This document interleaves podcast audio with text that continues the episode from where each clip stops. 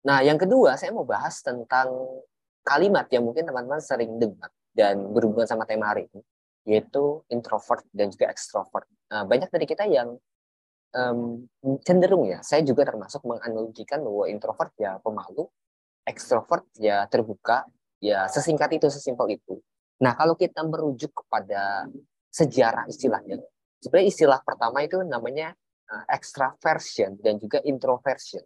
Dan itu dikemukakan sama salah satu uh, bapak psikologi analytical. Ini salah satu tokoh favorit saya juga, uh, psikolog klinis juga. Uh, namanya Carl Gustav Jung. Nah, jadi uh, Carl Gustav Jung ini alirannya juga psikoanalisa awalnya. Dia menganalisa bukan orang lain, tapi dirinya sendiri. Jadi ini berdasarkan pengalaman internal beliau. Jadi dia itu waktu kecil dan waktu dewasa itu merasa punya dua versi dari dirinya. Ada yang versinya ekstra, extra version, terbuka, open, uh, mencari energi dari luar, suka banget sama interaksi, suka banget sama ngobrol dengan orang lain. Tapi ada juga ternyata sisi dia yang lain, yang bertolak belakang. Yaitu sisi dia yang intro, atau sisi dia yang melakukan pencarian ke dalam. Bahkan kalau teman-teman tahu dari biografinya Carl Gustav yang ini, bahwa hampir di akhir perjalanan hidupnya, dia itu fokus dalam introversionnya dia. Jadi fokus ke dalam pencarian ke dalam diri. Banyak merenung, banyak teori-teori pemikirannya. Bahkan uh, saya pernah baca satu satu kisah uh, Carl Gustav Jung ini sampai sempat takut dia mengidap skizofrenia karena dia banyak dengar suara-suara di kepalanya. Padahal itu dialog internal ya. Akhirnya memunculkan banyak teori, teori simbolis.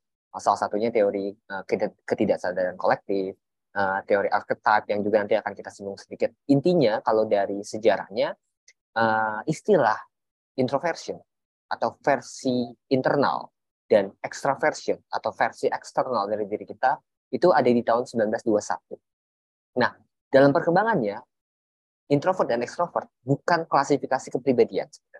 Bukan berarti nah, kalau teman-teman introvert itu klasifikasi bahwa Anda ya introvert gitu, nggak berubah. Atau ketika Anda extrovert, ya Anda adalah extrovert gitu. Dan ya seperti cap atau label. Tapi Carl Gustav Jung bilang bahwa ini adalah spektrum. Bahwa setiap dari kita tuh punya keduanya. Punya dua versi ini. Tapi dalam kadar yang berbeda dan aktifnya mungkin di waktu yang berbeda. Waktu kecil seperti apa, waktu dewasa bisa berubah, bisa balik lagi. Dan itu ngomongin soal introversion dan juga ekstra extraversionnya tadi. Nah, kalau Carl yang sendiri waktu kecil, uh, kecil banget ya, dia itu extroversion. Sangat terbuka sama dunia luar, suka eksplorasi diri mungkin, kemudian ramah, uh, energi mentalnya dapat dari luar. Tapi ketika mulai dewasa, ada sedikit perubahan. Jadi introversion. Dan dia punya keduanya.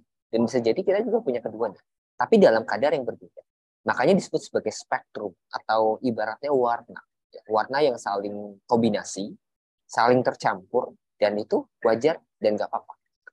Nah jadi pertanyaan sekarang saya, saya rasa sih banyak yang ikut di kelas ini yang mungkin introvert tapi kalau teman-teman sadar di beberapa konteks perilaku contohnya di orang-orang terdekat di orang-orang yang kita percaya, di orang-orang yang mungkin tahu kita siapa di circle terkecil, kita bisa jadi introvert yang sosial, social introvert.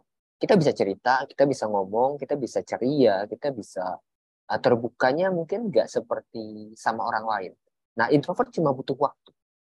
Uh, butuh waktu untuk lebih terbuka, lebih uh, menceritakan tentang diri sendiri. Jadi, kalau secara elemen kepribadian dan yang populer sekarang, ada tiga istilah.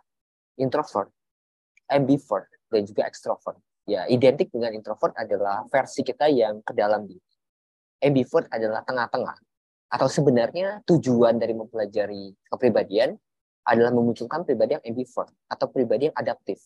Kita bisa menyesuaikan diri tergantung dengan situasi, tergantung dengan siapa kita bicara tadi, tergantung dengan timingnya seperti apa. Jadi ada waktunya kita terbuka, ada juga waktunya kita tertutup dan mungkin melindungi diri uh, ada sesuatu hal yang mungkin mencurigakan, kemudian kita nggak bisa terbuka gitu aja, itu wajar.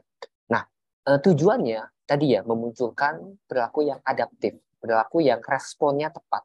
Ya, saya bisa bilang sebenarnya dari pengalaman saya juga dan juga banyak diskusi dengan teman-teman yang juga profesinya sebagai coach, uh, sebagai konsultan bahwa siap dari kita, ya teman-teman yang nonton Zoom hari ini yang dengerin dan juga saya adalah pribadi yang sebenarnya ambivert.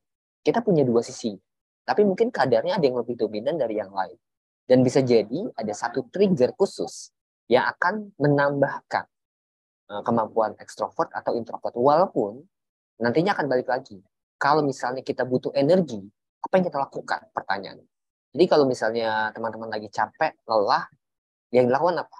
Apakah sendirian, recharge, atau butuh support system untuk